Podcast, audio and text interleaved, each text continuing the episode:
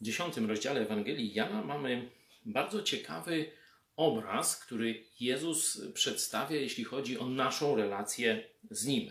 Mówi o dobrym pasterzu.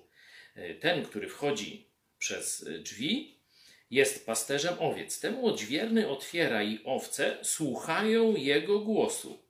I po imieniu woła owce swoje i wyprowadza je. Gdy wszystkie swoje wypuści, idzie przed nimi, owce zaś idą za nim, gdyż znają jego głos.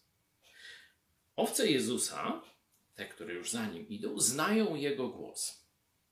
Umieją się z nim komunikować.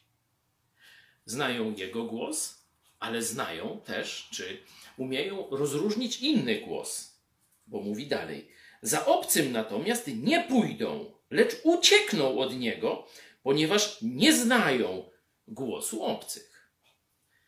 Inaczej mówiąc, jeśli ktoś jest prawdziwie owcą Jezusa, idzie za Jezusem, a nie pójdzie za żadnym innym głosem.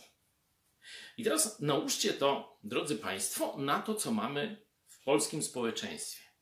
Kto zna głos Jezusa? Kto wie, jak się z nim komunikować? Kto zna Jego słowo? Parę promili? To by było bardzo optymistycznie.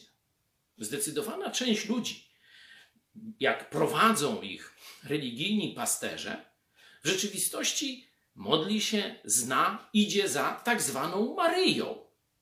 Zgodzicie się Państwo, że Maryja to nie Jezus. A tu jest owce, znają głos Jezusa, idą za nim. On idzie na przodzie, a innego głosu nie chcą słuchać, odrzucają, to obcy. Inny przykład.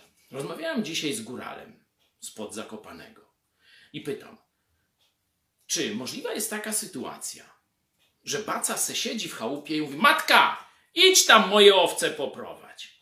Mówi, nie, niemożliwe. To fałsywy baca by był. Tyle w temacie.